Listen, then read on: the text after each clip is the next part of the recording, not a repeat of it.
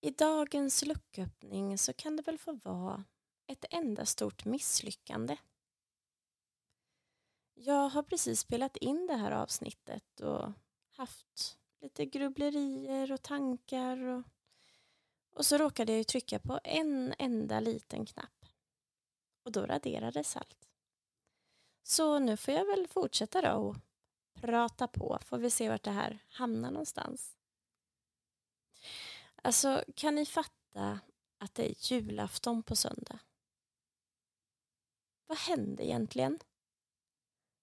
Den där tiden som jag skulle ha, vad hände med den?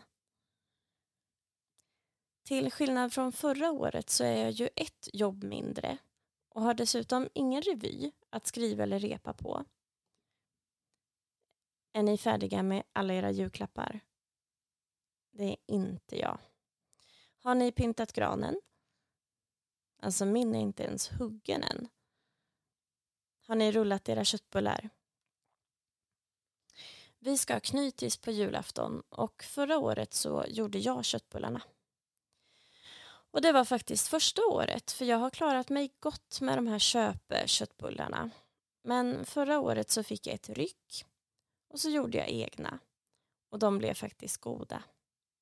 Väldigt goda. Så nu i år när vi stod och skulle skriva matlistan så sa jag jag kan fixa köttbullarna. Ja, jag fick nästan ett övermod. Emelies köttbullar, de ska vi ha.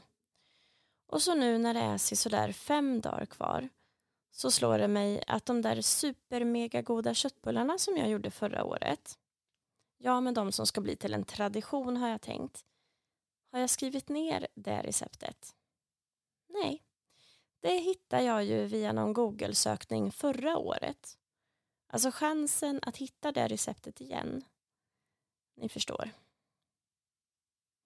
Jag har i alla fall köpt mig en ny almanacka och där har jag skrivit upp vilken dag som dessa bullar ska lagas. Den 23 Alltså dagen då jag brukar åka och stresshandla julklappar trots att jag varje år tycker att folk är galna som gör så. Den dagen går bort eftersom jag jobbar 08.30 till 21.15. Så mina köttbullar ska rullas på fredag, är det tänkt. Bara så ni vet. Tänk om vi bara kunde enas om att inte stressa så förbannat. Alltså det blir ju jul ändå. Idag när jag var och handlade mat så hade jag en riktig surkärring bakom mig i kön. Hon stod bakom mig och gnällde om vad lång kön var. Och så anmärkte hon att kunderna framför hade så stora vagnar med så mycket saker i och att hon skulle behöva stå i den här kön hela dagen. Jag tittade då bakåt för jag tänkte att eh, hon kunde få smita förbi mig. Och det här var inte för att vara snäll utan för att jag ville bli av med henne. Och så står människan med två överfyllda vagnar.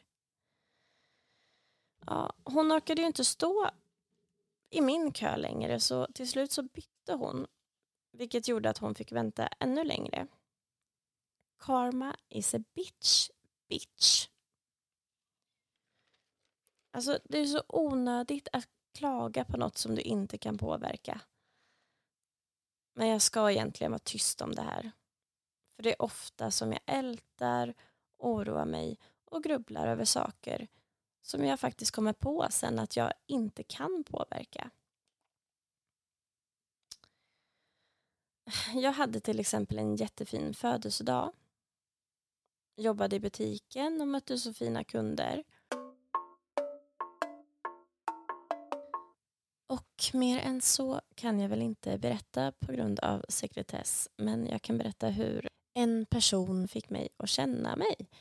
Och eh, det var härskartekniker, det var respektlöshet och eh, jag blev på riktigt ledsen och typ gråtfärdig.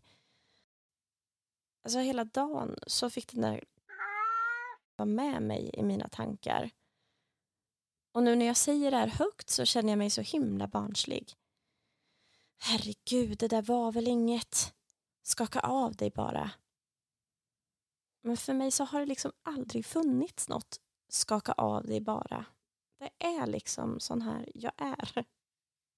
Men jag förstår ju också att det finns metoder för att inte bli så här känslig som jag ibland blir.